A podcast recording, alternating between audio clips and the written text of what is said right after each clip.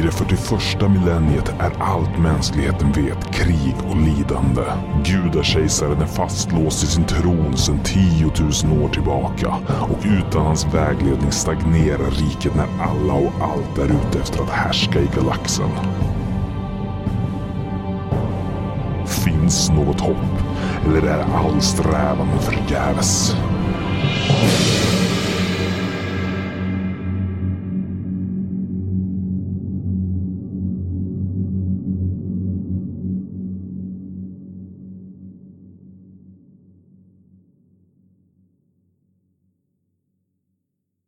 Hej och välkomna till den eh, mörka, underbara, någonting som vi brukar säga varje gång, värld som vi kallar för 40K. Ja, Eh, Jag heter som vanligt Charles Metzma och eh, mitt namn är Daniel Johansson. och idag så ska vi då prata om mänskligheten är tanken. Ja, alltså inte vilken mänsklighet som helst då, utan inte vår mänsklighet. Det är ju vår mänsklighet. Ja, fast det är ju inte vår mänsklighet nu. Okej, ska vi börja där?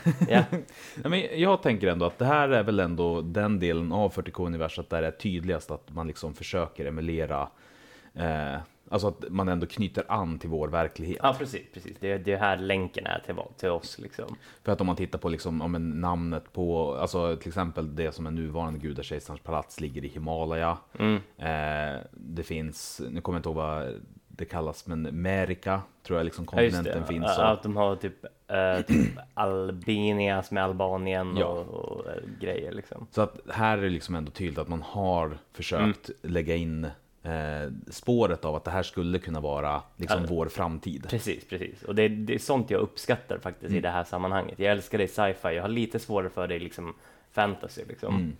För i mångt och mycket så, så, nu kommer vi gå igenom mänsklighetens historia och fram till liksom år 2000 så är ju det liksom vår historia som, Precis. som är 40K, mänsklighetens historia också. Men det som också är viktigt att lägga till är att alltså, i den här, i deras historia som är skriven ur deras synpunkt, så, alltså de minns ju ingenting i princip om vad som hände liksom innan år 30 000 egentligen. Alltså, Ja, knappt det ens gång. Precis, allting där är ju bara gissningar för dem. Och att det finns några sanna fragment som man så här, som en läsare från 2000-talet kan känna igen liksom. Och andra saker har blivit myter. Men det är å andra Mm. sidan ganska rimligt för att om man tänker sig liksom, ja men det här är då 40 000 år sedan. Ja, precis. Eh, och hur mycket vet vi om Mesopotamien eller annat? Precis, mycket av det är ju bara liksom, kvalificerade gissningar, PGA, liksom, eh, arkeologiska fynd och så vidare. Ja, så att liksom baserat på vad någon eh, fick för sig att skriva ner så har man hittat ett fragment och sen så pusslar man ihop resten. Så mycket är ju myter och legender.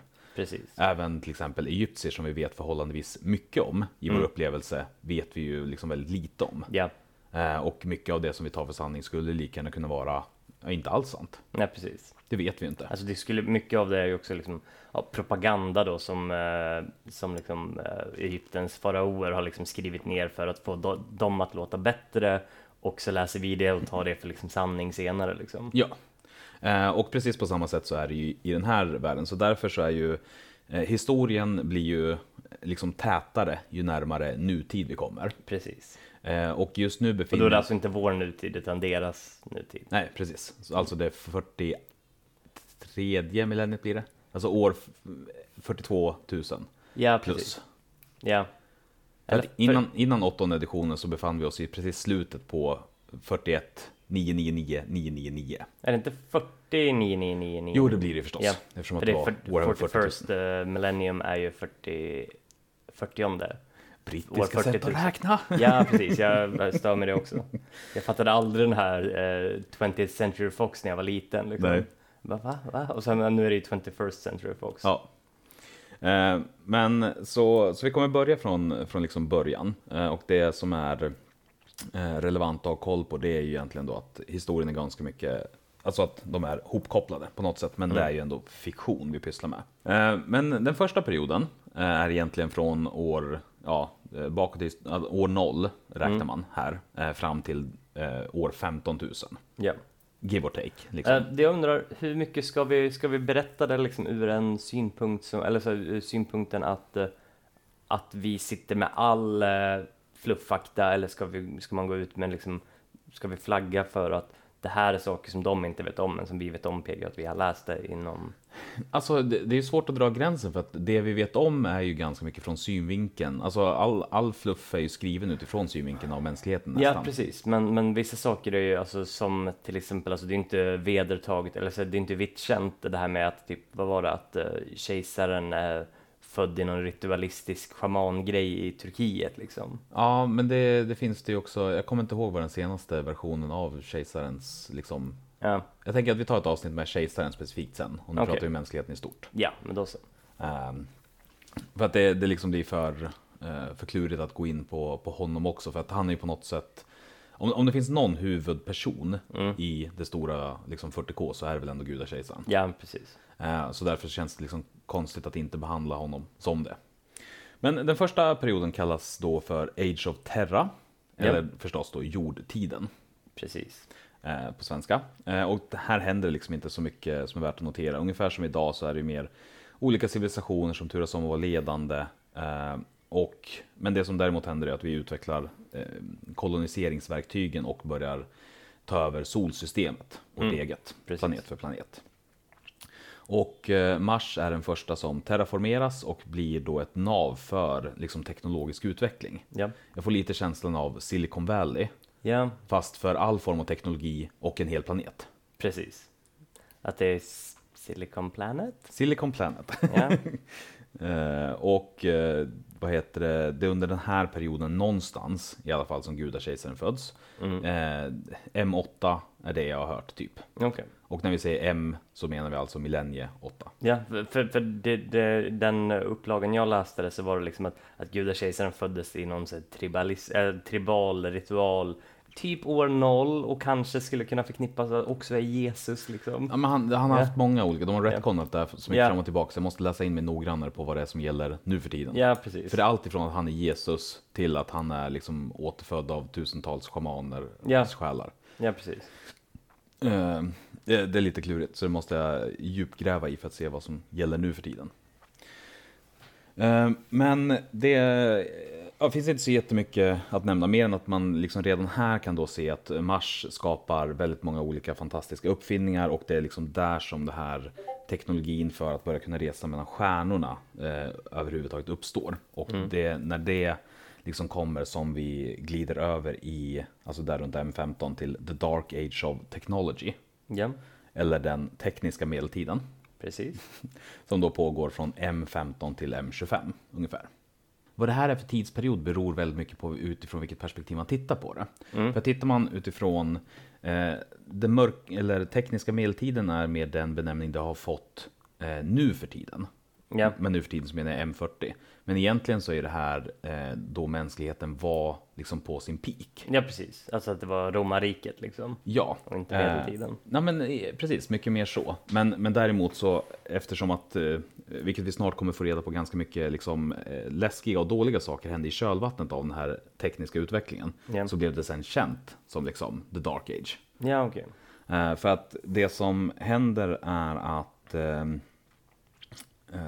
ja, men den här tekniska utvecklingen fortsätter bara.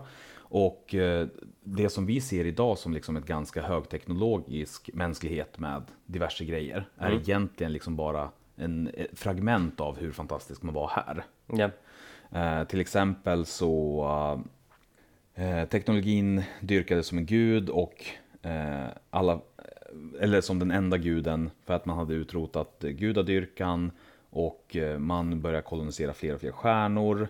Eh, man har inte riktigt medel för att resa snabbare än ljus ännu men det kommer under den här perioden. Eh, så att eftersom att man då ska försöka lösa hur kan vi se till att några som koloniserar en planet typ 10 generationer bort mm. klarar sig. Då ser man till att liksom utveckla all kompetens i de här STCs. ja. Alltså Standard Technology. Eh, Här borde jag kollat upp. ja, men jag, jag vill tänka att det är blueprint, men det är ju inte det. Alltså, det, det är ju en blueprint. Ja, precis. Men det är också det är en apparat som kan skapa grejerna. Man trycker på en knapp så får man liksom ut allting. Man Ja. behöver inte, allting är liksom så pass utvecklat att ingen behöver kunna någonting. Ja, precis. Det är en liksom eh, 3D-printer i princip. Ja, Ja. Eh, så, och man liksom kittar allt det här så att eh, inte nog med att man har otrolig kunskap utan man har också liksom gjort det väldigt enkelt. Mm. Eh, och man har dessutom då utvecklat en fantastisk AI. Eh, det som kallas för Men of Iron. Ja. Eh, alltså järnpågarna. Ja, äh, säger du det för att jag är, för att jag är numera skåning eller? Ja, Ja, jag tänkte att det var, det var en liten blinkning till ditt att- nya jag- arv. Att jag blir inkluderad. Ja, Tack. så att du får med. Ja.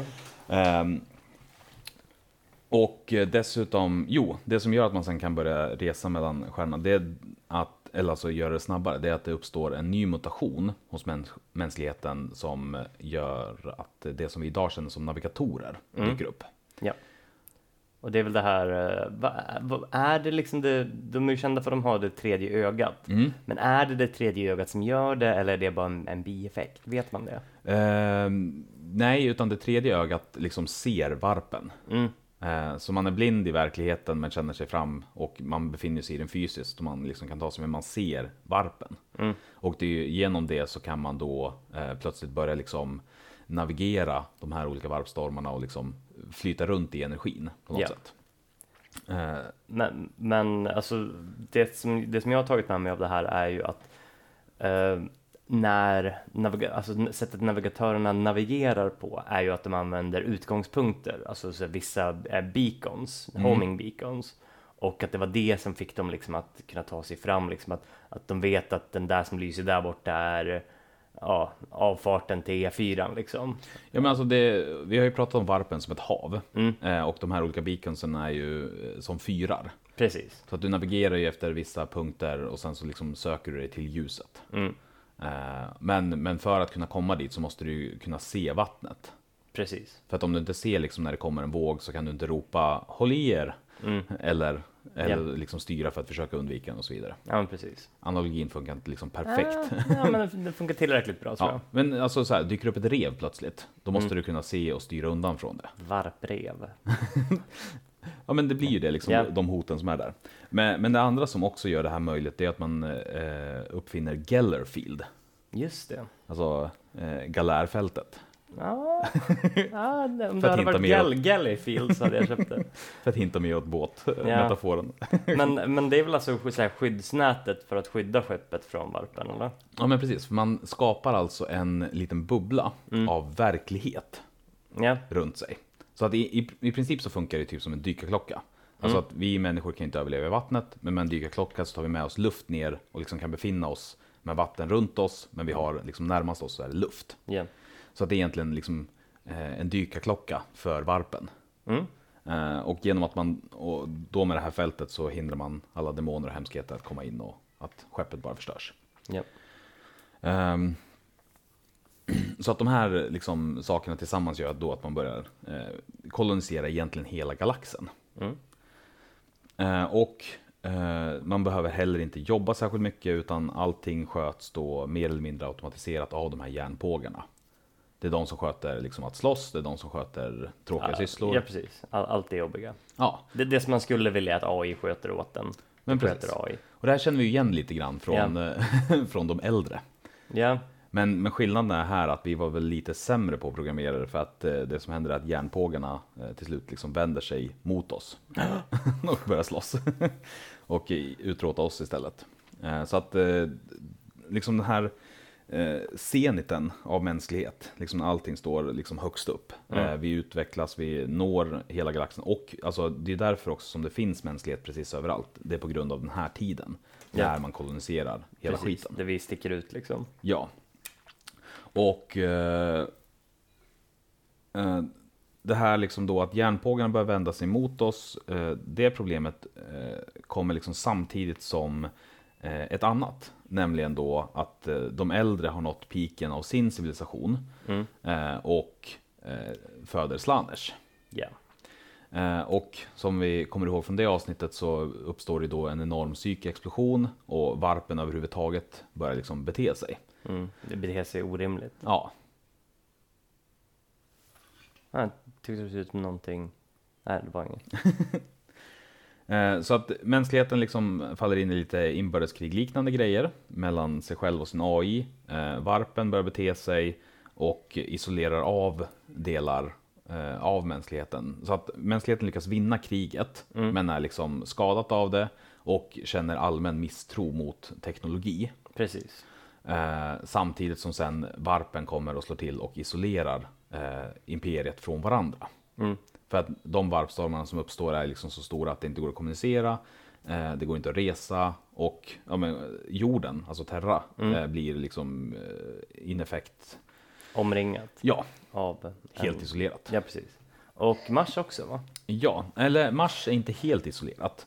Utan det som, eftersom att där var det liksom ett teknologiskt center. Mm. Så att de, det de spenderar sin tid med det är att studera varpen i mångt och mycket och lyckas eh, hitta små, små luckor där man liksom kan ta sig och resa och Ja, okej. ha sig.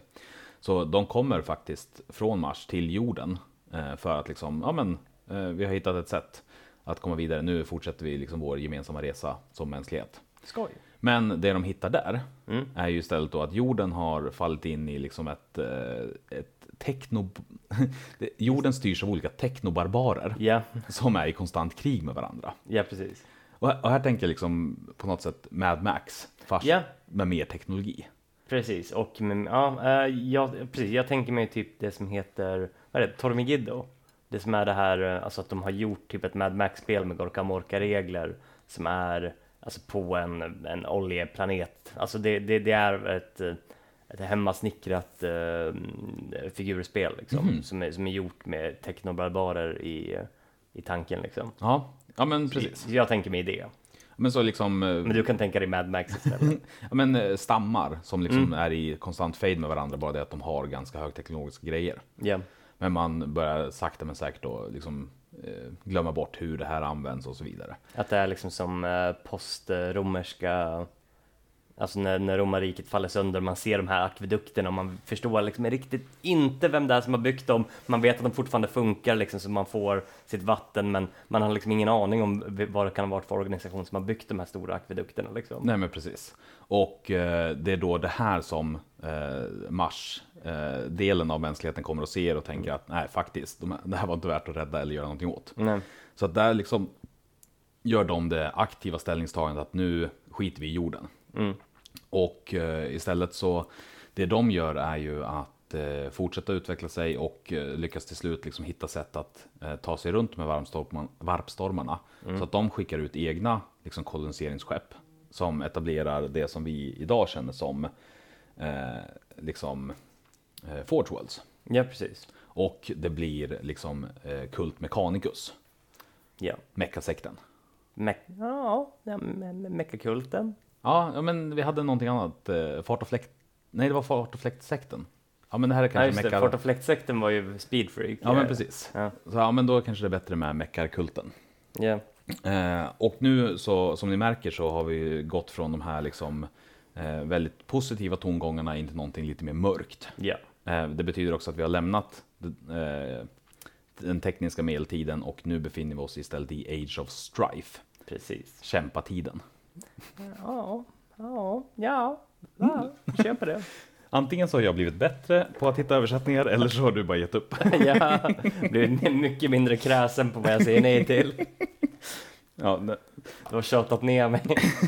men det känns som att du på något sätt nådde peak av motstånd vid huligansvamparna. Sen dess så finns det ingenting kvar. Ja, jag tror nog också det. Ehm, och eh, det är liksom M25 börjar kämpatiden uppstå lite grann, men M28 det är då det liksom verkligen bryter ut för att de här 3000 åren, det är där det har varit inbördeskrig mellan järnpågarna och mänskligheten och så vidare. Eh, och M28 det är då Slaners föds. Mm. Så att det är då som, ja, det, jag känner att det blev lite fram och tillbaka här i Ja, tidslinjen, men- men jag hoppas att ni hänger med ändå. Ehm, och eh, det som händer då med Meckasekten är ju ganska, Meckarkulten, Meckakulten. är ganska intressant i sig för att eh, mänskligheten, eller Terra, eh, går ju vidare med någon slags så här teknobarbarer, men Meckarsekten, de ombildar sig istället till att ha en, en slags teokratiskt styre där Mm. liksom maskinen är gud. Precis. Eh, och det, det gör att de liksom ändå håller ihop för att de har den gemensamma tron. Eh, och eh, ger det då eh, 13 000 år till så är det det som vi idag känner som eh, Meckarsekten. Mm. Eh, och eh, det här är ju liksom ganska viktigt också att komma ihåg att det, det här liksom splittringen gör att de blir ett eh, liksom eget imperium. Precis, men på ungefär samma territorium. Ja, eh, och kommer heller aldrig att liksom bli en del av det som är mänskligheten igen. Till viss del. Ja, alltså de blir ju allierade, men Ja. de blir ju också någonting helt eget. Ja, Eftersom att de också i mångt och mycket väljer att kliva ifrån mänskligheten. Alltså, Precis. Som, vad ska man kalla det, som form. ja att de eh, anammar, eh, vad heter det, eh, cybernetik? ja, Heter det så på svenska? ja, det gör det. Okej. ja, det låter mycket sämre på svenska. Cybernetics låter inte så. Jo, det låter skitcoolt. Det låter så himla ballt. Så de blir cyborger. Ja, Skulle man, ja. ja, men eh, de, de liksom amputerar sina kroppsdelar och sätter dit massa skojiga saker istället. men, men kämpatiden är egentligen eh, ganska kort. För den Mm. är ju då bara från M25 till M30. Ja, För att M30, det är då vi glider över i Age of Imperium, precis. kejsartiden. Ja, och vad är det som händer då på Terra? Vad är det som liksom har, har fått det att bli... Vad som kan liksom åstadkomma den här förändringen? Ja, precis. Jo, men det är ju då som gudakejsaren träder fram. Ja, Eh, för att eh, han har ju liksom funnits sen... fast han är ju inte gudakejsaren då. Nej, men the artist formerly known as... eh, Ja, precis. Jag vet inte vad han kallas innan. The Emperor bara. ja, Alltså då är han ju bara liksom... precis. Han, har ju inte blivit en deity då. Liksom. Nej, för att han hatar ju all form av liksom gudadyrkan. Precis. Eh, han vill ju ha ett, eh, ett, eh, en mänsklighet som styrs av rationalitet, vetenskap och eh, alla former av vidskeplighet är eh, någonting som man bör undvika. Precis. Och det här kan man ju antingen då liksom bara göra en sån här allmän tolkning av att ja, men han är superrationell. Men Mm. det finns också det spåret av att eh, gudakejsaren är nog den enda i mänskligheten som liksom vet saker om varpen på riktigt vid det här laget. Ja, Och genom att liksom utrota all form av vidskeplighet och tro. Eh, jag tror att motivationen är mycket också att skydda mänskligheten från oredan. precis. För att det handlar, den handlar ju väldigt mycket om tro. Ja. Eh, så att eh, han tänker att genom att utrota den från människan så kan vi liksom eh, vinna kriget. Mm. Som vi inte ens, som ingen annan vet att vi befinner oss i ens Nej. en gång. Men det han gör, det är i alla fall att han enar Terra till att bli en. Ja, och då använder han sina åskkrigare. Ja, Eller vadå? eh, snygg översättning, men jag tänkte på Dunderkämparna. Okej. På engelska Thunder Warriors. Ja. Dunderkämparna, okej. Ja, ja, man får bara så här intrycket av att de äter så här dunderhonung innan de går ut och vevar. Ja, men det kan man eh, i mångt och mycket ändå tänka sig för att de eh, estetiskt så påminner de ju ganska mycket, eller de påminner mycket över, överhuvudtaget om dagens passmariner. Ja, bara det att de var liksom större, starkare, mer aggressiva eh, och hade dessutom, men de är fortfarande liksom genetiskt manipulerade och byggda av kejsaren Ja. i någon mån. Eh, däremot så byggde han också in i dem att de skulle vara mer kortlivade. ah, okej. För att han tänkte att eh, det är ju praktiskt om de här superstarka galna kämparna inte lever för länge. Ja, eh, eftersom att jag inte riktigt vet vad jag pysslar med nu. Mm. Utan eh, det här är ju en, en betatest kan man säga. Ja, Eh, och när han väl har lyckats ena jorden så väljer han ju också helt sonika att bara fimpa av dem. mm. Eh, det finns få exempel på liksom, Thunderware som har överlevt fram till eh, nutid. Eh, men, men de flesta av dunderkämparna de blev bara liksom bakfallna, bakhållna. Bakhållna, bakbundna. De liksom lurades in i ett bakhåll och dödades av Ja, i helheten. Det var det du letade efter. Ja, men jag tror inte man kan göra om det till ett verb på det sättet att, att, att De man blev eh, förrådda. Ja, mycket bättre ord. och eh, nu här i liksom M30, då går saker och ting fort. Alltså här händer det, från att det liksom inte har hänt så mycket Mm. på att vi ändå har befunnit oss, eller att vi ändå spenderat 30 000 år. Eh, så Så du menar att på de här M- i M30, på de här tusen åren, så hände det mycket saker på tusen år? Ja, Oj. Eh, eller vi känner till mycket i alla Ja. fall. För eh, det som eh, varpstormarna börjar bedarra och en av de första sakerna han gör det är att glida över till Mars och säga så här, hej ska inte vi bli kompisar igen? Mm. Eh, och de säger nej, eh, vi har liksom ingen användning av er. Men då så, det är då den här berättelsen kommer om hur han går fram och liksom lagar en titan genom att lägga handen på knät. Ja, Och eh, Meckarsekten får då för sig att han är Omnisaja såklart. som har liksom varit en profet. Frälsaren. Ja, precis. Eh, och eh, eh, på svenska är det ju förstås då Altisias. Ja, okej. Ja, alltid sias. Ja, okej. Omni som i allt. Mm. Och- Ja, jag förstår sammansättningen. Jag, jag vet inte om jag uppskattar den. Jag har inget, jag, jag, har jag har inget, jag har inte suttit och klurat på någonting bättre så. Nej, men, men de dyrkar honom som Altisias. Och det här är väl egentligen första händelsen där gudakejsaren liksom börjar få någon form av eh, gudomlighet kopplat till sig. Ja, Eh, för innan det så har han ju bara varit eh, vem som helst. Vi får ju tänka på att det här är ganska kort tid. mm. Eh, sen så är det lättare att se hur, hur han tar steget över till att behandlas som en gud när han lever liksom, så pass länge. Mm. Som han, eller ja, lever inom citationstecken. Ja, kan säga. jo, han eh, skapar alliansen med Mars då. Mm. Eh, där de egentligen kommer överens om att Mars får fortsätta ha någon form av autonomi. Men däremot så ska de bygga allt eh, tekniskt åt mänskligheten. Eh, Så att de, de blir ju liksom i mångt och mycket eh, samma. Alltså varsin del av samma rike. precis. Men det är ändå viktigt att poängtera och komma ihåg att Meckasekten har autonomi. Mm.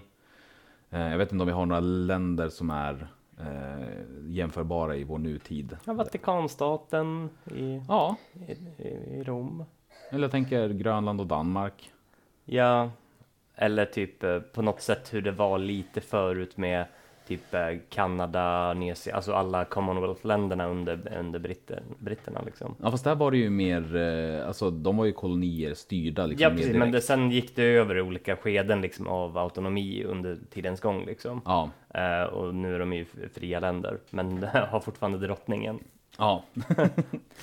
Ehm, och nästa steg i hans plan det är sen att då återförena mänskligheten i stort. Mm. Eh, för att nu finns det ju planeter precis i hela galaxen där det liksom bor människor, men de har varit separerade från mänskligheten i ja, eh, allt från 5000 år, eller ja, från 5000 år och mindre. Mm. Så att det har ju liksom eh, mycket, det märker man mycket när man läser böckerna, att liksom eh, imperiet är liksom eh, en fornsaga, eller liksom Ja. en legend för många. Att någon dag kommer de komma från stjärnorna. Men planeterna i sig har ju utvecklats liksom väldigt eh, radikalt annorlunda. Precis. Eh, och för att kunna göra det här så behöver han en ny armé. Ja. Och då så börjar han eh, för hand craft, liksom bygga upp sina primarker. Precis. Eh, 20 stycken söner, inom citationstecken, Mm. som var och en ska liksom representera en del av honom själv. Eh, men eh, det tycker inte Orions gudar om, Nej. Så de kommer in och stökar och bråkar lite grann. Och snor provrören. Ja, kastar ut dem i varpen och låter dem landa liksom eh, spridda. Mm. Förvin, spridda, för, Det spridda känns för ändå som det fanns en baktanke med var de landade. Va? Det känns som de passade på alla ställen. Ja, passade de på alla ställen eller eh, blev de som de landade? Ah, snyggt. Ja, de, ja bra, bra, bra, tank, bra tänkt. Eller var det bara så att författare försökte få ihop ett narrativ? Ja, man vet inte där. Man vet inte där. Eh, Men innan de försvann i alla fall så hann han ju ta deras arvsmassa och skapade då Spasmarinlegionerna utifrån eh, Precis. respektive primark. Ja, Så att eh, alla spasmariner är liksom mer eller mindre i direkt nedstigande led då från en av primarkerna. ja. Även nu för tiden när vi befinner oss i uppdelat i chapters och liknande så har man ju, Under, alltså de är ju underdelade från de tidigare legionerna liksom. ja. Eller i vissa fall liksom så har någon mixtrat och slagit samman, men det, det blir för mycket teknikaliteter för nu. Ja, Framtida avsnitt TM. Eh, Men egentligen, det, det, kan man, det kan man ju redan droppa nu, att egentligen skapades det inte 20 primarker. okej. Utan det var ju 21 primarker. Jaså? För Alpha Legion, eh, det är ju Alfarius och, jag tappade namnet på honom, Omega någonting. De är ju tvillingar. Okej. Eh, men man har bara, alltså det är en väldigt få som vet överhuvudtaget. Det är typ Ja. gudakejsaren och den egna legionen. För att de tar sitt tvilling-game till liksom nästa nivå. Och lever fullt ut att de bara finns en. Men de är egentligen två. Okej. Ja, cool. Och Alpha Legion överhuvudtaget har ju väldigt mycket med så här, smyga och infiltrera och Ja, eh, trickery. ja. Eh, Så det är lite kul. Eh, Men av de 20 eh, legionerna som Mm. det blev, så är det ju också så att vi bara i slutändan fick 18. Precis. För att två stycken, Är erasade från alla analer. Låter som ett fel ord, men det ja, är rätt ord. låter bättre på, på engelska, där håller jag med dig. Ja. Tagit bort dem ur analerna. Det är faktiskt en poäng till engelskan. Ja. nu, så här, några avsnitt in. Eh, ja, men så, så egentligen det som, det är nu eh, som... Ja, men, eh, kanske måste berätta lite mer om då, alltså de här två som är borta liksom. Ja, alltså nej, men de är, de är erasade från historien, man vet inte alls. Alltså det är ju två stora mysterier Ja, i... precis. Alltså, det känns nästan som de är ditskrivna som mysterier, eller att de bara inte kom på två till. Nej, jag tror att de är ditskrivna för att eh, ge spelare möjligheten att eh, liksom skapa och säga att det här är liksom de förlorade. Så att, Ah, okej. Som en liksom totalt eh, tabula rasa för att kunna göra vad Mm. man vill. Ja, okej, det är lite kul. Ja. Tror jag att det mer är. För att annars blir det svårt att liksom, eller i och för sig chapters kommer till liksom som en grej. Men jag tror att där fanns det en tanke från början att Mm. liksom, eh, för att kunna skriva in nå- någon historia sen i framtiden, att liksom lösa det här.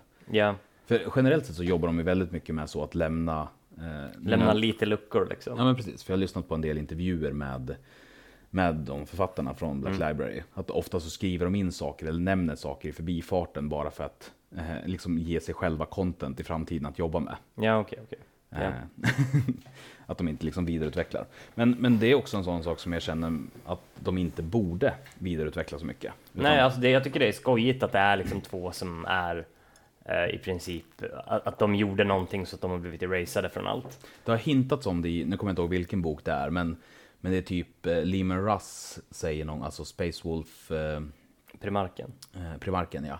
Han säger i förbifarten någon gång, ja men typ eh, Prata inte sådär, du kommer väl ihåg vad jag var tvungen att göra sist? Just till någon det, av de andra det. primarkerna. Varpå den säger typ såhär, det här skulle vi aldrig prata om igen. Mm. Ja, men jag har också läst det någonstans. Så att eh, det finns liksom lite hintar till att det kanske var så att de faktiskt liksom blev gjorda, men att de sen har blivit raderade. Mm. Och inte bara då. Ja, ja, alltså det, det, det, det är något sånt som jag tror, liksom, att de har ju, de har ju varit med. Liksom. Jag, jag har för mig att Robert. Gilliman också sa någonting om att eh, vi var 20 som sen blev 18 och så tänkte, så i någon bok jag läste att han så här, kom ihåg någonting och så bara nej, bara typ ströp han tanken liksom. Mm. Att de, det, det är verkligen eh, totalt raderat. Eh, från hela historien. Eh, men så att det som, nu har han ju då liksom gudakejsaren skapat alliansen med Mars igen, de Mm. börjar bygga grejer och det är nu som mänskligheten ger sig ut på det fantastiska korståget. mm. Great Crusade. Ja, och det är ju då tvådelat. Dels för att återfinna sina primarker, men också för att återförena mänskligheten. Ja, Och det går ju ganska bra för honom.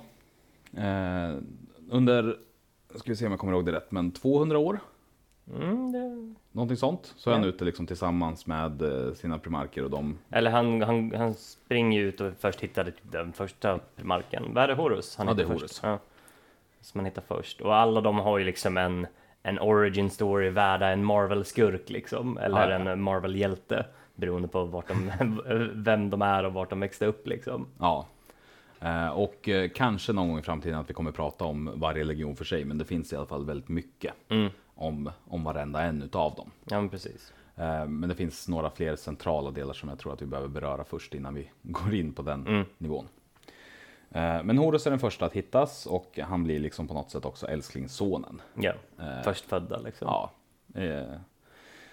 Eh, och varje gång som de hittar en ny primark så återförenas ju den med sin legion och liksom så här, hej, fan vad kul att vi hittade dig. Här, här är din legion, gör vad du vill med den. Ja, Och så har man då 100 000 spassmariner under ens befäl plötsligt. precis. Men primarkerna är ju liksom kapabla nog att hantera det för att var helst de har hamnat så är de liksom blivit framträdande på något sätt. Ja, för att de är supergenier och superstarka och supercoola. Mm. Eh, och eh, sen efter 200 år av eh, liksom, eh, att försöka få mänskligheten tillbaka i follan så säger gudakejsaren att nu känner jag mig klar med det här. Nu måste jag gå vidare och jobba med andra viktigare saker. Mm. Eh, så du Horus, du får ta över liksom, och styrsla hela eh, mänsklighetens krigsapparat. Ja, han blev Warmaster. Ja, krigsmästare. Ja, det var en lite lam översättning, Ja. lite, lite för enkel va? Men det, nu, nu har vi gått bortom liksom mitt färdigskrivna Ja. material, nu håller jag på spontant här.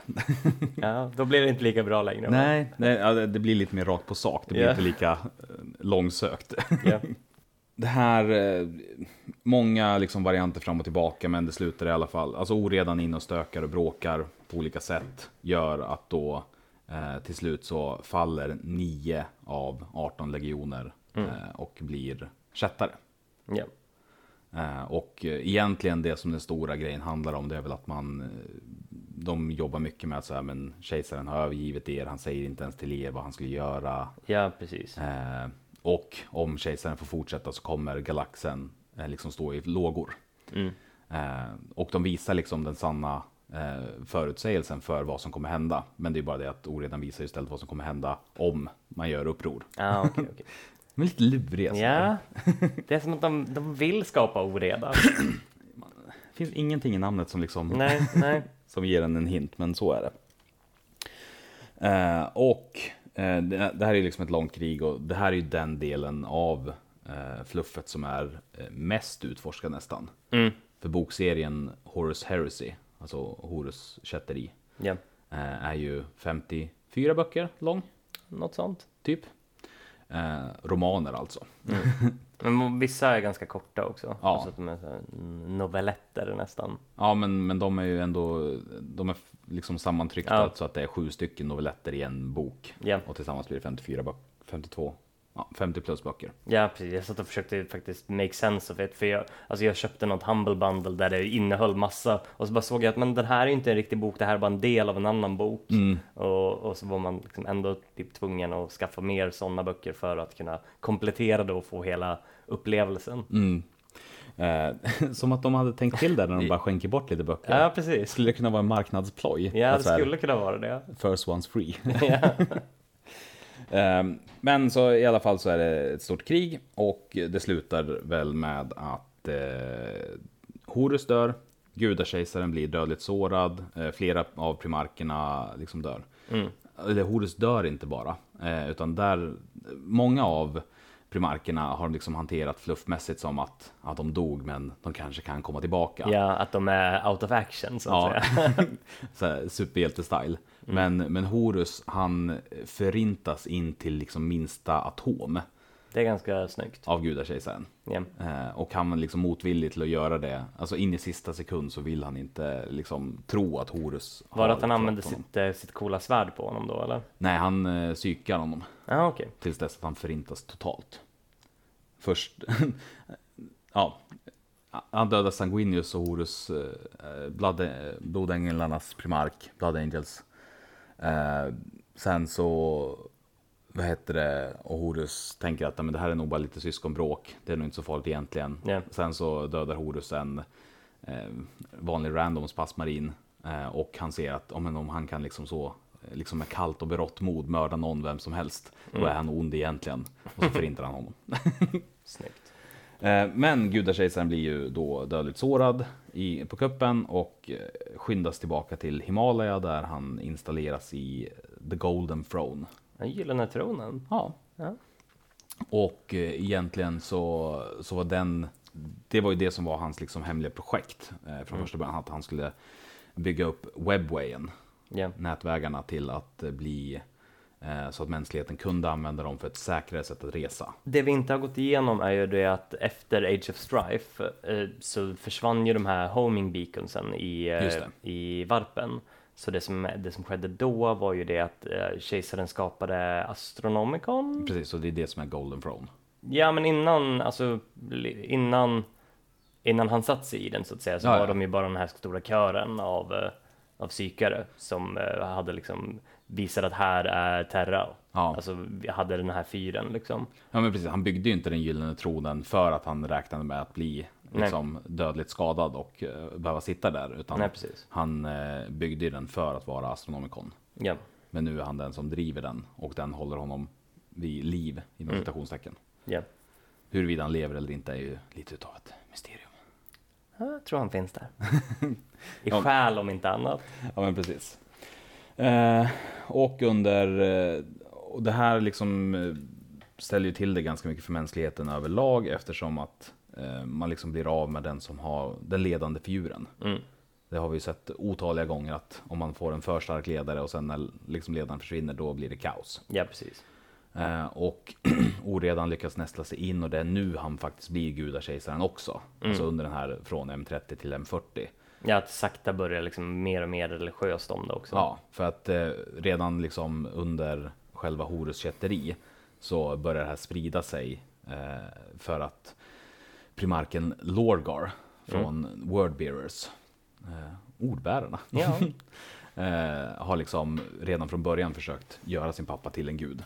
Eh, för att han tycker att han är en gud. Så han skriver ju Book of Lorgar eh, och försöker liksom sprida tron, men får mycket bannor eh, för det bland annat. ja, Men det är också mycket oredan trickery involverat i det här. såklart.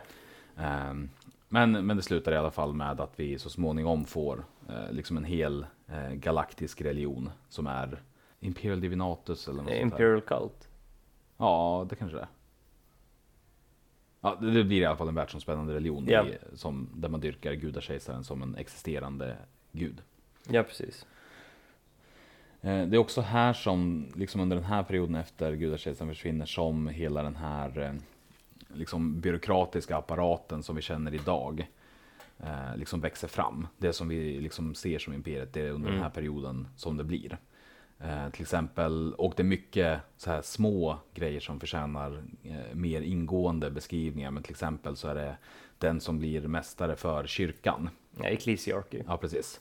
Han, Goge Vandire. Just det, just det. det är liksom en, en lång, ganska rolig berättelse. Ja. Men, eh, men i korthet så, så liksom får han bli maktfullkomlig och försöker ta över allting och styra som ensam. Skiter i hela eh, High Council of Terra Mm. och eh, störtas sen så småningom. Precis, men alltså det är just det att, att ingen såg det med tanke på hans namn. Vad tänker du då? Van Dyer eh, är ett ganska... Dyer är ju inte ett... ett jätte, alltså ingen såg, såg det komma att han skulle vara liksom så lite ond. Ja, du tänker så. Nej. Alltså rent att det, att det fanns en feeling i namnet. Ja, precis. Eh, ja, eh, och ja, det krigas mycket fram och tillbaka. Jag, jag vet inte, jag känner liksom att det finns många saker man skulle kunna lyfta fram, men det finns också mycket saker som inte är det är liksom mycket samma samma, det är lite grann som i början av mänskligheten, att det liksom krigas fram och tillbaka. Det är ingenting Ja. som är så definierande. Det, det jag tycker vi kanske borde prata om är kanske lite av mänsklighetens byråkrati. Ja, det tycker jag ändå är ganska intressant, liksom att, att det, det tänker liksom det mest ineffektiva medeltidsbyråkratin med också inslag av typ såhär påvebyråkrati, alltså såhär, alltså tidig katolsk kyrka byråkrati. Att Mm. saker så här, kopieras för hand och skrivs upp och ska kommas ihåg. Och eh, sen att det blir mycket censurer, och saker, böcker som bränns och, ja, och så vidare. Liksom. Att, det, att det är den typen av byråkrati och att allting sker på det mest ineffektiva sättet vi kan tänka oss liksom hela tiden. ja, och liksom inget ifrågasättande av traditioner överhuvudtaget, utan man gör saker för att så man alltid gjort, liksom in absurdum. Så, ja, precis, ja, lika, lika som eh, typ inom eh, rättsväsendet så är det eh, a rigid adherence to the letter of the law is paramount. Eh, alltså det viktiga är att man tolkar, man tolkar det bokstavligt och Ja. inte, eh, inte tanken bakom lagarna liksom, utan att man ska ta det bokstavligt och då liksom att om man gör någonting annat så är man typ en heretic liksom. Ja, ja. Alltså, det, det är jättelätt att bli utsedd till kättare. Ja. För att det som växer fram är ju ändå på något sätt eh, olika eh, maktcentran inom Mm. mänskligheten kan man säga. Precis. För dels så har man ju då, eh, all, och alla sammanstrålar i High Council of Terra. Precis. Där man har en person som är eh, ledaren, Ja. som är en kraftfull psykare som jag nu precis tappar namnet på. Det, vad, vad har vi? Vi har Master of, Master of the Administratum. Eh, så har vi the uh, Paternoval Envoy of the Navis Nobilite som är alltså högsta eh, Navigatorn. navigatorn. Och så har vi Fabricator General från, uh, från Mars då. Eh, och sen är det väl den där högsta psykan också. Och så är det väl de typ högsta Lord Commander of the Imperial Guard. Eh, precis, och flottan. Ja, man har det. separerat upp flottan och, eh, Ja, eh, flottan och armén. armén. som amerikanerna har gjort. Ja, och man gjorde ju det för att man inte ville ha... Ja. Alltså när Horus då bestämde, alltså det räckte ju egentligen med att nio individer bestämde sig för att nu ska vi göra uppror. Så Ja. hamnade hela liksom, galaxen i lå- lågor. Ja. Så man ville liksom bryta upp sådana maktcentreringar. Precis. Det var också därför som legion, Spasmarin-legionerna blev till liksom Chapters. istället. Kapitel. Kapitel. eh, för att, ja men, att en person kan liksom eh, få hundratusen att lyda blint. Det är för Mm. mycket makt hos en person. Ja, men jag tror ändå, alltså de skulle ju ändå lyda blint om det var så, även om de är uppdelade i, i så här underchapter skulle de ändå, lyder de ändå blint till sin Ja, fast det genfader. Ja, det är olika. För att Ja. det, det finns ändå ganska, Ja. liksom, det blir ju ändå en person till som du måste övertyga på ett annat sätt. Ja, precis. För vi ser ju också stora, alltså det är inte alla liksom i alla av de legionerna som faller till oredan som liksom 100% faller, utan det finns ju ett fåtal individer liksom som Mm. står emot det. Ja. Men den stora massan följer efter liksom. Eh, sen en till eh, maktfaktor som vi har, det är kyrkan. Mm. Eh, för kyrkan är också liksom en, eh, ja men egentligen, på, i mångt och mycket så är ju där vi befinner oss nu mycket närmare liksom vår nuvarande verklighetsmedeltid. Ja, Alltså i eh, vil, dels vilka du som har tänker den makt. och- europeiska, euro, europeiska medeltiden. Ja, precis. med, att, med att kyrkan blir ett makt, växer fram som ett maktcenter. Liksom, Ja, i, I brist på annat. ja, och, eh, men, men det har liksom balanserats tillbaka lite grann. För den, ett tag så var den på väg att ta över och bli den enda maktfaktorn. Mm. Men då när eh, man lyckades göra sig av med Goach Vandire Mm. så, eh, så liksom löste man det. Och nu finns det någon form av balans. Ja. Eh, och under kyrk... Sen så finns det ju också en till gren som har mycket makt. Och det är ju inkvisitionen. Precis. Och den är separerad från kyrkan. Ja. Eh, Och den är väl, inkvisitionen är väl uppdelad i tre olika delar. alltså alla de här grejerna är Ja, uppdelade ja, i massa grejer. Alltså, det måste man, och, och att det, det man aldrig får glömma att hur ineffektiva de är på att liksom hantera saker mellan de olika branchesarna. Ja, ja, alltså ja. att det, att det är så himla mycket eh, svinn i byråkratin liksom. Ja, Jag brukar på, på fritiden så, så lyssnar jag en del på så diverse seminarier om samhällsgrejer och en jätteåterkommande grej är att det kommunala styret i Sverige har för mycket stuprör. Men, men det är ingenting mot 40K. De skulle Nej. vara jätteglada över hur mycket man samarbetar. Eh, men inkvisition, och det är också så att eh, inkvisitionen står lite grann över allting annat också för att nu har ju kaos, eller oredan blivit en så stor grej att de har liksom eh, fullkomlig rätt att göra lite vad fan de vill. ja, Om, om en inkvisitor pekar på dig och säger att du är kättare, då kommer du att skjutas av alla i din närhet utan att någon blinkar. ja precis. Eh, och det är liksom ja, den makten som finns där. Och så här liksom håller det på att liksom snurra lite grann fram och tillbaka eh, ganska länge. Alltså, och den här tidsperioden, om vi, här finns det ju hur mycket som helst. Alltså fram till åttonde editionen kom så hade ju alla tidigare editioner utspelat sig i mer eller mindre M40, 999, 999. Ja, Alltså alla händelser någonsin liksom sker där för att spelet stod ändå stilla. Man, Precis. man hade etablerat världen och var liksom ganska klar med exakt hur allt ser ut. ja, Eh, så att liksom den här perioden, här finns det jättemycket saker som vi skulle kunna lyfta ut till liksom egna grejer från egentligen 30 till 40. precis. Eh, men spelet har stått stilla där fram tills dess att åttonde editionen kom och då liksom började man utveckla historien. precis. Nu har de börjat köra den igen liksom. Nu, Ja. nu, nu rullar tiden på något sätt. Ja. Eh, Men innan vi går över och liksom tittar vad som har hänt de senaste hundra åren, Mm. typ. eh, Så kan man ju prata lite grann om hur hur man delar upp världen. Ja, precis. Eh, Var liksom mänskligheten befinner sig, liksom, så man inte tänker sig att alla världar är likadana, så har vi liksom mänskligheten klassifikationer på vad de olika världarna är för någonting. Och det är oftast, alltså tänk er att man specialiserar det på ett så himla hårt sätt, så att du har inte som jorden, som, eller alltså vår jord där du har ett eh, nation som kanske, kanske gör, den skapar järn, den har också så här, eh, lite eh, universitet och sånt där, utan här har du en planet som gör en sak. Alltså det som vi egentligen kan se i, i, i, i verklighetens verklighet nu, med Mm. typ så här, vissa stadsdelar växer fram och blir lite specialiserade. Precis. Fast Alltså här har är vi det ett industriområde. Ja, fast nu pratar vi, här i 40K är det ju industrivärldar. Ja, liksom. det är på planetär skala. Eh, Så vi har de, de tre olika civiliserade världarna. Mm. Eh, Den första då är ju Hive Worlds, som är den som, om man spelat Necromunda så utspelar ju sig på, i en Hive på en Hive World. Mm. Och där är det I egentligen... en spira till och med. Precis. Eh, Eller ja, är det bara i en spira? Alltså, ja, Okej. Jag, jag tänkte med att det här alltså det är ju underhiven du, du utspelar sig i. Mm. Och det är ju under själva hiven, alltså Ja. under delen av hiven där, det, där alla gaserna rinner ner och det blir så himla äckligt. Som stora bikupor som står på olika ställen på planeten och så är det ash, ash wastes emellan liksom. Ja men precis, och det, och det är det jag menar med Spira, för att den finns liksom i mitten. Ja, men det är hiven. Ja, Eh, Men hives är alltså jätte, jättestäder, alltså tänk er eh, biljonstäder, eller vad säger man, miljardstäder. ja, och de har man byggt i lager på lager på lager. Precis, de är som en, eh, en, en bröllopstårta. Ja, Eh, fast med eh, pest och kolera. ja. Eh, och, och liksom så är det så att de, de finare bor högst upp i hivesen och det är sämre att bo desto längre, alltså det, det är sämre omständigheter ju längre ner i hiven man bor. Och de här alltså sträcker sig upp till atmosfären, de här jättestäderna. Um, längst ner så är liksom alla gaserna och, och alltså avgaserna och allt det dåliga eh, liksom åker ner längst ner till botten. Ja, det är Ingen många, där. det är många hundra våningar som liksom är så pass Ja. långt ner i jorden att de aldrig har sett solen. Och, Ja, precis. Alltså folk lever och dör där utan att se solen. Liksom, eh, och arbetar där i sig. De klonas fram för att göra olika arbeten. Liksom. mm.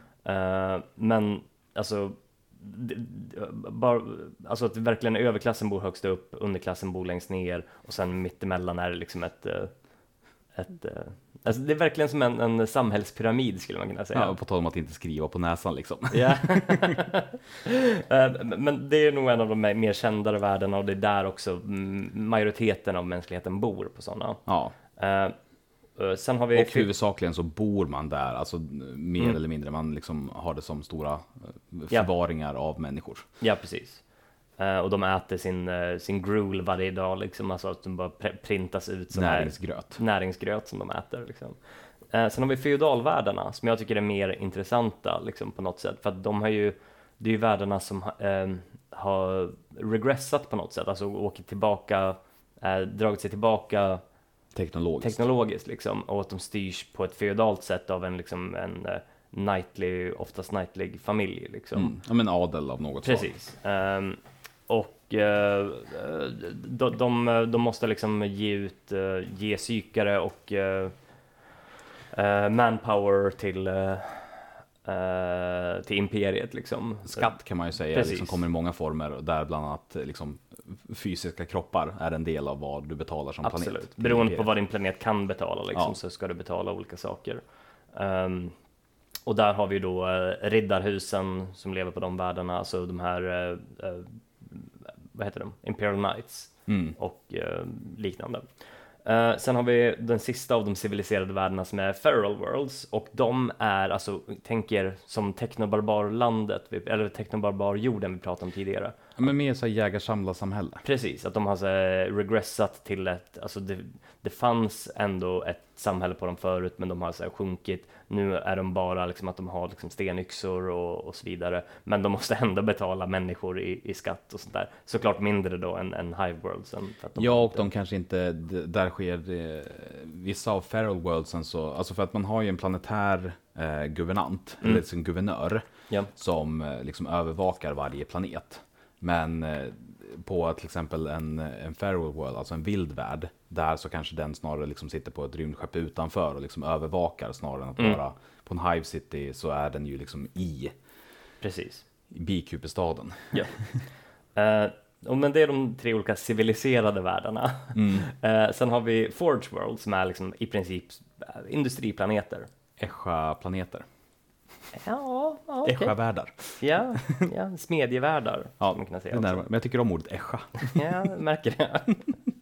Eh, som är vad de låter som och de styrs oftast av Adeptus Mechanicus, eller styrs alltid av Adeptus Alltid. Mechanicus. Liksom. Eh, och det, de har ju sin eh, Cult of Omnissiah liksom. Mm. Egentligen är det samma religion med Ja. samma gud, men de har lite olika sätt att beskriva det, det är på. också lite knäpp på näsan va? Ja, Eh, sen har vi Ag- Agri-worlds som är alltså världar som är uppbyggda bara för att eh, eh, Producera mat. pro- producera mat. Det enda de gör är liksom ha så här sädesfält och köttproduktion och, och så vidare. Så alltså det är hela världar dedikerade till bara mat, matlagning, tänkte jag säga, matskapande. och det man ska komma ihåg är att alla de här liksom världarna kan ju också, eh, vad ska man säga, vara medvetna om imperiet eller omedvetna om imperiet. Mm. Alltså beroende på, för att många av, alltså, och det här är väl där man liksom bygger in eh, ett till lager av eh, närhet till verkligheten. Vi Mm. skulle kunna vara, alltså jorden i vår nuvarande omfattning skulle kunna vara en del av imperiet, men vi vet inte om det för att vi är för liksom, dåligt utvecklade. Och, Ja, precis. sådär. Precis, och att vi har varit borta i några tusen år och då Och de här- man glömma bort det liksom. Och de här konspirationsteoretikerna som liksom säger att vi styrs av ödle människor eller liknande. de Vi styrs av kejsaren. det är egentligen de som vet någonting, Mm. men de har bara missförstått vem det är som styr. Ja. Eh, mining Worlds, som är vad, vad det låter som, det är liksom, eh, man sätter dit jättemycket borrar och bara borrar ut planeten på alla mineralerna. Ungefär en sån planet blir en sån här stort battleship. Mm. Alltså om man ska göra så här, de gigantiska slagskeppen de åker omkring i rymden med, så krävs det ungefär en planets material för att bygga ett sånt jätteskepp ibland. Och man lämnar liksom bara ett tomt skal. Precis. Ehm, eh, research stations, som är alltså vad det låter som igen. Ja. Konstigt nog. Alltså det är bara, det behöver inte ens vara planeter utan det kan vara liksom månar. Vissa av dem är faktiskt eh, ditsatta på gasjättar också. Mm. Med så ankrade i gasjättar. Eh, men den teknologin försvann sen från mänskligheten efter, eller så här, innan Age of Strife då. Mm. Eller under Age of Strife kanske. Kämpa tiden. Ja, precis. Kämpatiden. Eh, Fortress Worlds som är eh, strategiska, ofta strategiska platser eller viktiga platser på något sätt där de bara dunkar ner garnisoner och eh, Cadia. precis, Cadia. Cadia är ju ett jättebra exempel på det, kanske det bästa. Men det finns ju många andra som den också. Mm. Ehm, chapter planets som är, eller kapitelplaneter. Eh, där, du tycker kapitel är jättekul i översättning, det heter väl så? Ja, jag Kapitel vet, på men, men det blir lite fnissig av det bara. Ja. Eh, men jag tänker så här, gubbklubbar och sånt har ju liksom så här, det stockholmska kapitlet. Ja, Så här, ja, ja, det, det, men allting som är rätt be- behöver inte vara tråkigt. Eh, men, men då är det alltså att eh, en Space Marine kapitelmästare har då valt att ja, men det, här, det här är vår planet, Mm. här, här ska vi hänga. Och då blir de i princip eh, guvernörer på planeten också. Ofta, men inte alltid, eh, den planeten som primarken växte upp på. Precis, vissa fall är ju den planeten borta. Ja, Eh, I, och i vissa fall så har man bara vet den och har till exempel eh, Imperial Fists, de glider ju runt på en planet stort skepp istället. Mm. Eh, och eh, det gör ju även Dark Angels, men det är för att deras planet sprängdes. Så den delen av planeten som är kvar glider man nu runt i. Ja, okej, coolt. Eh, och sen sist men ja, kanske coolast, dödsvärldarna eller Death Worlds. Mm. Eh, där, till exempel Katashan som är liksom världar som klassificeras som att de, eh, man ska kanske inte bo där. Alltså, och naturen där är helt enkelt så ogästvänlig att den inte är anpassad för mänskligt liv. Antingen Ja. genom varelserna som lever där eller genom att naturen beter sig. Ja, eller att det är liksom för kallt eller Mm. för, alltså lava-planet liksom.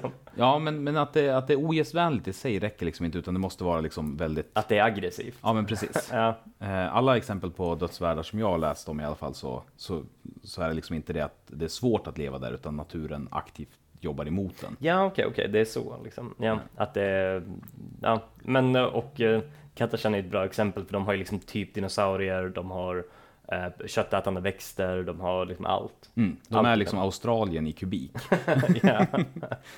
det finns Ja. ingenting som är till för människor där, men, utan allting motarbetar den och vill att man ska bort. Ja just det, jag har inte tänkt på att det, det är Australien som är, så vi, alla har ju också så här, typ så här, eh, alltså typ high tens halsband också, fast Ja. det är inte high tender de har utan där är det typ eh, dinosaurietänder liksom. Mm.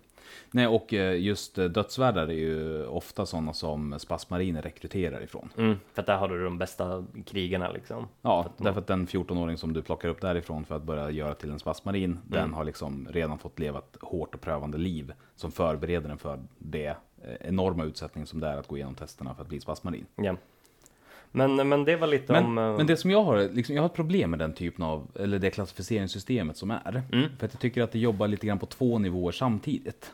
Eh, Okej. därför att i det ena fallet så pratar man om liksom så här, eh, vilken teknologisk nivå det ligger på mer eller mindre, eller vilket Ja. styrsystem det har. Och i andra så pratar man liksom om eh, vilken funktion planeten har. Och i tredje så har man sen valt att separera ut eh, liksom, ja, men naturen eller vilket klimat det Ja, är. ja Alltså men man- jag, jag, jag förstår vad du menar, men jag tror också att det är mer ur ett, dramaturgiskt eh, syfte Ja, ja, De, ja. har, de har namngett Men, men jag tycker inte om klassifikationen. Nej, nej, det, det, är. inte, det är inte på något sätt eh, rimliga klassifikationer. Nej, för att jag menar en Hive World kan, Mm. skulle ju teoretiskt sett kunna befinna sig på en Death World.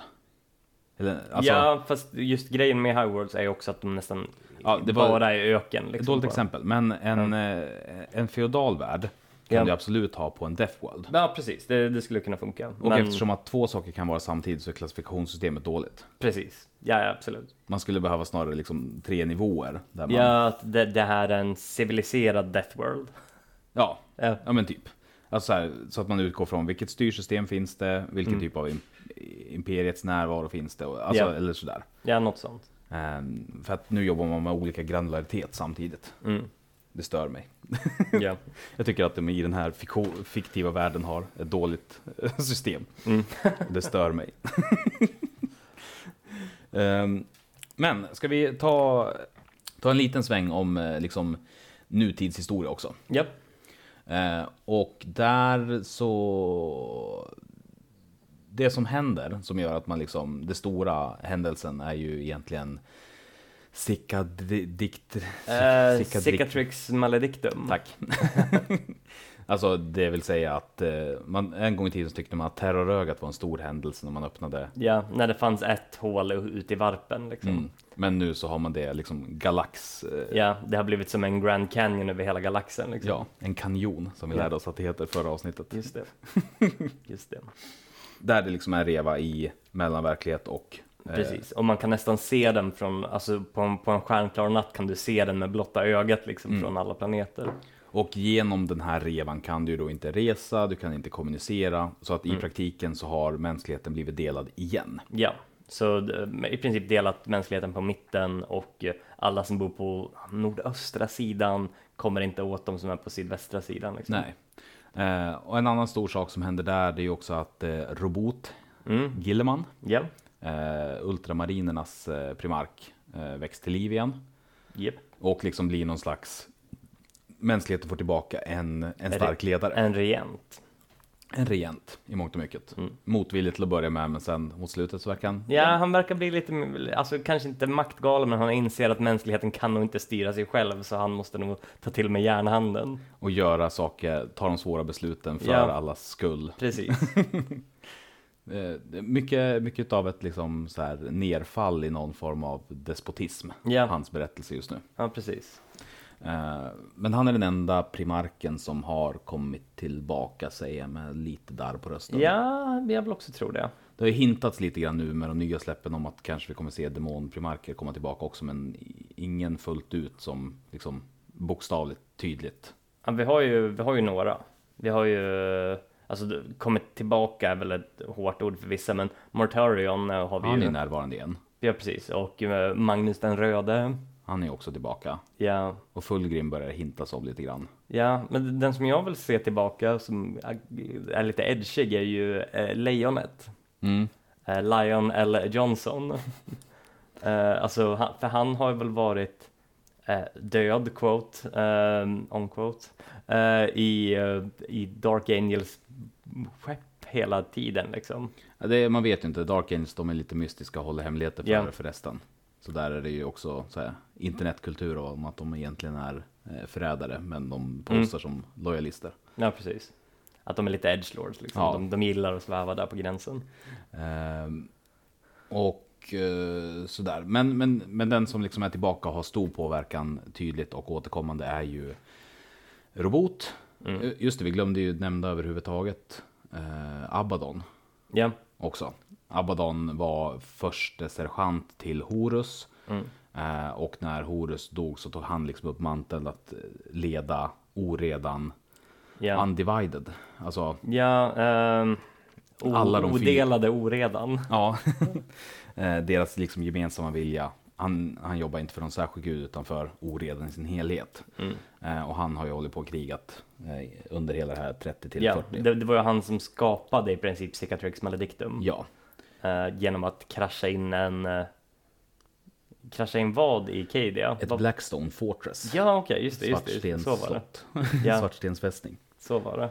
Eh, de här gamla Necron, ja, de förtjänar mer också. Ja, jag tror vi har pratat om dem i någon tidigare. Vi har nämnt dem i förbifarten. Han kastar ner en sån i alla fall i planeten och säger faktiskt. Ja, och det var också en väldigt viktig planet, alltså rent eh, verklighetsmässigt. Ja. För att den hade massa eh, eh, Pyloner. nekronpyloner. Säger man pi- eh, pylon, pylon?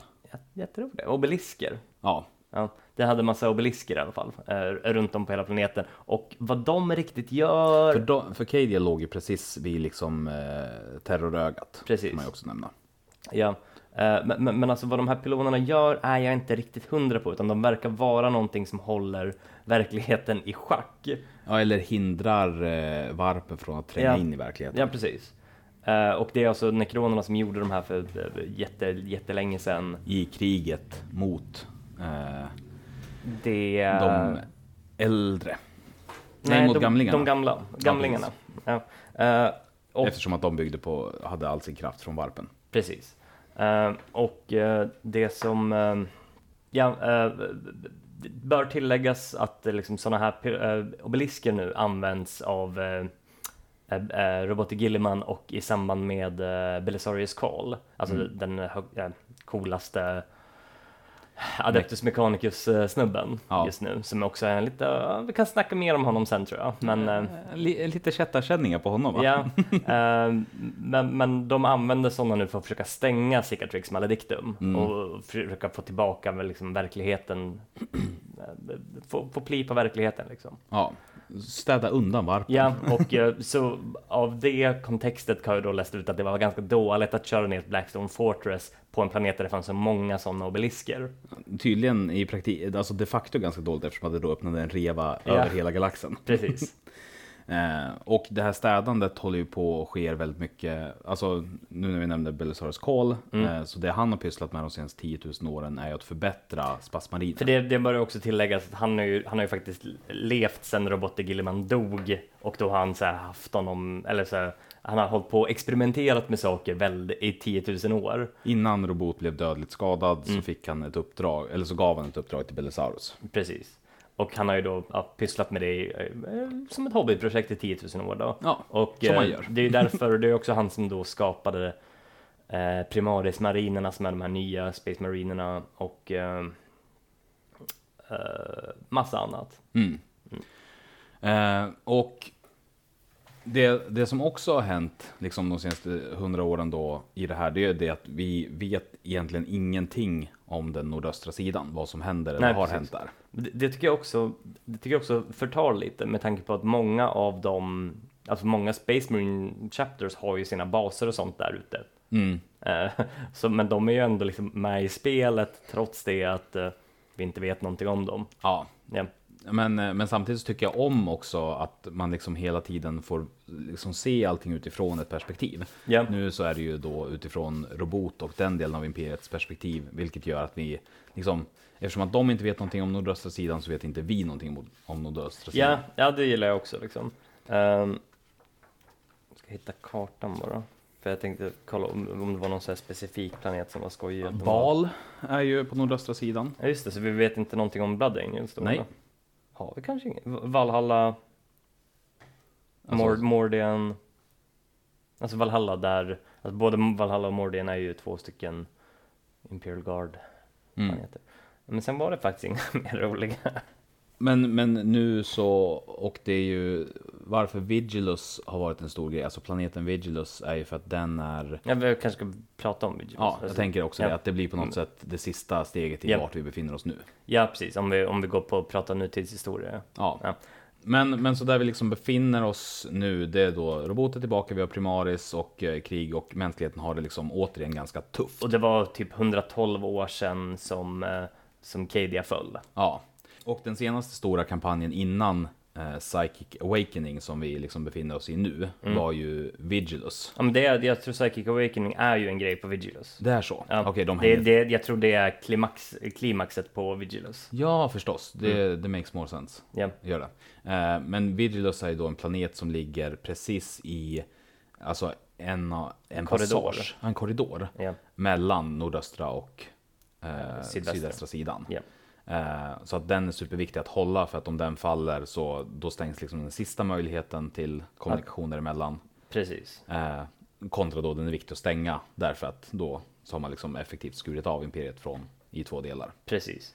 Och alltså, eh, för de som undrar varför vi pratar om just Vigilus då, så är det ju det att det har ju verkligen varit centret av alla eh, GVs eh, alltså nya spelboxar där alla, alla små kampanjer, alla skirmishes utspelar sig där på Vigilus. Mm. Så liksom allting från Speed Freaks till eh, det är väldigt mycket som händer på den planeten Ja, i förhållande ja. till hur stor galaxen är. Precis, alltså det är liksom alla boxar som har släppts på sista tiden. Alltså Kill Team utspelar sig också där. Det är Abaddon liksom- var, stack dit. Just det, just det. Abaddon är där också. Väldigt många på den planeten nu. Och Hive, jag vet inte om Hive Worldsons sköldar har fallit än, men det var liksom att, att orkerna bombade ner på planeten för att ta över den. Och så bara, nej, de här sköldarna är för starka runt Hive, uh, Hive. Så det vi kan göra nu är att bara cruisa runt med våra bilar och bara åka och Mad Maxa runt liksom. Ja. Så man bara åkte en nomadtåg runt och bara tävlat mot varandra. Ja, eh, men, men det är liksom där som eh, fluffet kretsar kring nu. Mm. Ja, precis. i mångt och mycket. Och det är det, alltså utgången av det här eh, tycker jag ju om väldigt mycket eftersom att de, jag vet inte om vi pratade om det tidigare, men de har ju liksom eh, pratat om att de kommer göra en global kampanj. Ja, ja just det, just det, precis. Där liksom spelarna kommer att få rapportera, alltså vi spelare, Mm. eh, kommer liksom spela, rapportera in resultat och det kommer i sin tur sen avgöra utgången av vad som händer där. Ja, storymässigt. Och det kommer jag, det kommer jag ihåg var en av de coolaste grejerna i slaget om Armageddon. När jag Mm. var typ 12-13 så var det liksom en kampanj som utspelade sig då i hela världen. Alla kunde rapportera in sina slag och eh, sen visade sig då vilka det var som vann och så vidare och vad som hände. Mm. Inte för att jag kommer ihåg, som jag minns det så blev det inte så så stor skillnad utan att det blev något nederlag för båda oavsett liksom Ja. nästan. Men, men att det var ändå en kul grej liksom. Att, eh, Jag tror att de har liksom någon slags plan och tanke för hur de ska hantera det eftersom att de ändå planerar typ släpp av modeller och liknande tre år i framtiden. Så Ja. jag tror nog att de har ett sätt att förklara hur det blev som de tänkte i slutändan ändå. Ja, precis. Att, Men ja, bara- men det, det visste vi hela tiden att de skulle vinna, eller det visste vi hela tiden att de skulle förlora. Ja, Eh, så har de, tror- de oavsett facit liksom. ja, men jag tror oavsett på något sätt så bara känslan av att de alltså bryter barriären mellan fiktionen och Ja. låter spelarna Ja, precis. ja, det tycker jag är viktigt. Liksom. Det tycker Mm. jag är coolt. Eh, ja, och det är väl där vi befinner En fråga hade vi i och för sig på Discord Mm. eh, som vi skulle kunna ta. Det är hur stark är centralmakten egentligen? Spontant känns det som att diverse planeter borde köra sitt eget race i ganska stor utsträckning. Alltså, jag, det, det är ju en, det- jag tycker den är både ja och nej. Alltså, centralmakten makten är stark, försöker vara stark, men den når bara inte till vissa planeter. Ja, men samtidigt så, så nå, det finns ju ingen planet som inte liksom är under imperiets kontroll i viss mån.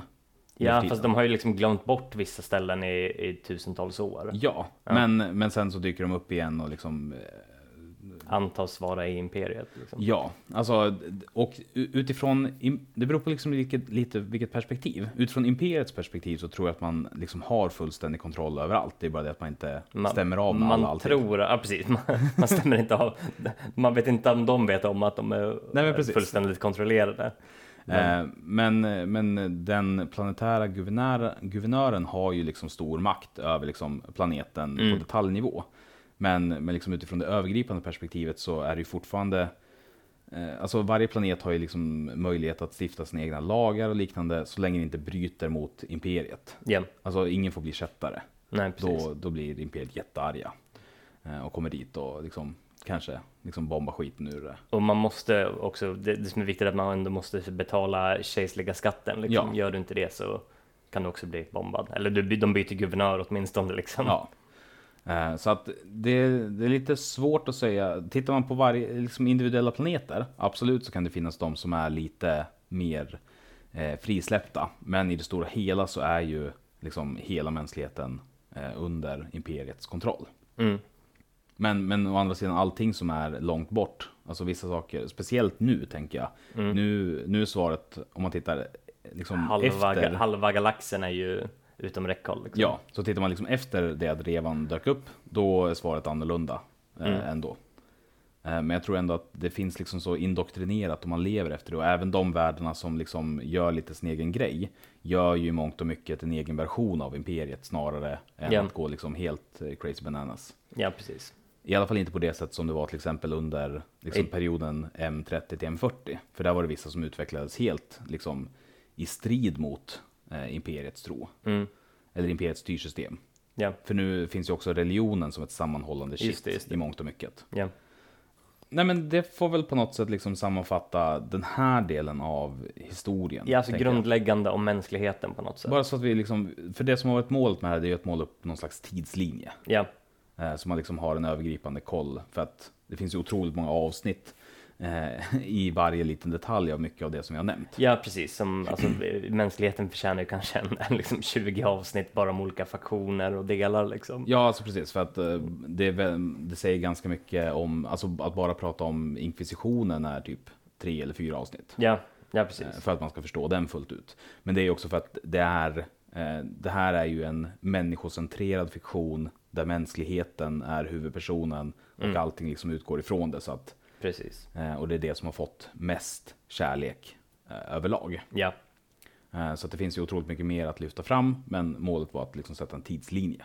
mm.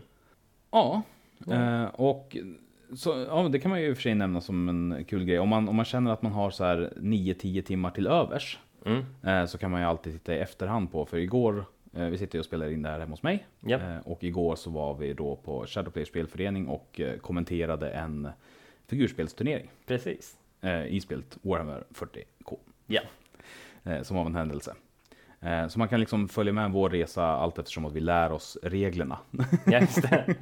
Alltså jag tänkte, alltså jag gick in med, med uppfattningen om att jag kunde lite mer än vad jag kunde tror jag. Eh, jag tror problemet var att jag hade lite problem med specialreglerna för de olika, alltså att jag inte kunde identifiera vissa av eh, figurerna. Nej. Och det, sen att jag inte visste deras specialregler och det märkte jag var en väldigt stor grej att inte kunna när jag skulle kommentera det. Alltså jag kände, hade det varit någonting jag faktiskt kunde, alltså om det hade varit alltså Imperial Guard mot typ Imperial Knights då, som jag har väldigt bra koll på, så hade det gått mycket lättare att kommentera. För nu var det liksom, undra vad den är bra på. Okej, ja men jag säger att den här är nog ett hot mot den och att det blev liksom lite, lite, lite knasigt PGAD.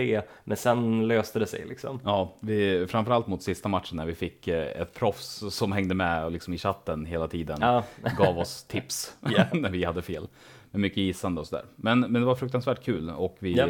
spenderade ungefär lika mycket tid med att prata om annat som, som själva spelet. Ja, men precis. Eh, Men det var, det var en rolig upplevelse tycker jag. Men, precis. men det kan man så då se i efterhand på eh, www.twitch.tv slash eh, shadowplayerstv.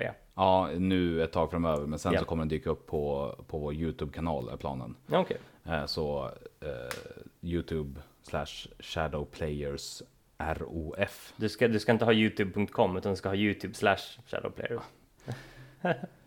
Ja. Nej, gå direkt in. Skit i kom. Eh, lyssna inte på Daniel när han håller på. Eh, ja, men hitta den på Shadowplayers kanal på YouTube så småningom. Är tanken i alla fall. Mm, skoj. Det var väl allt för, för den här gången. Ja, jag tror det också. Ha det bra hörni. Hej hej! Ciao.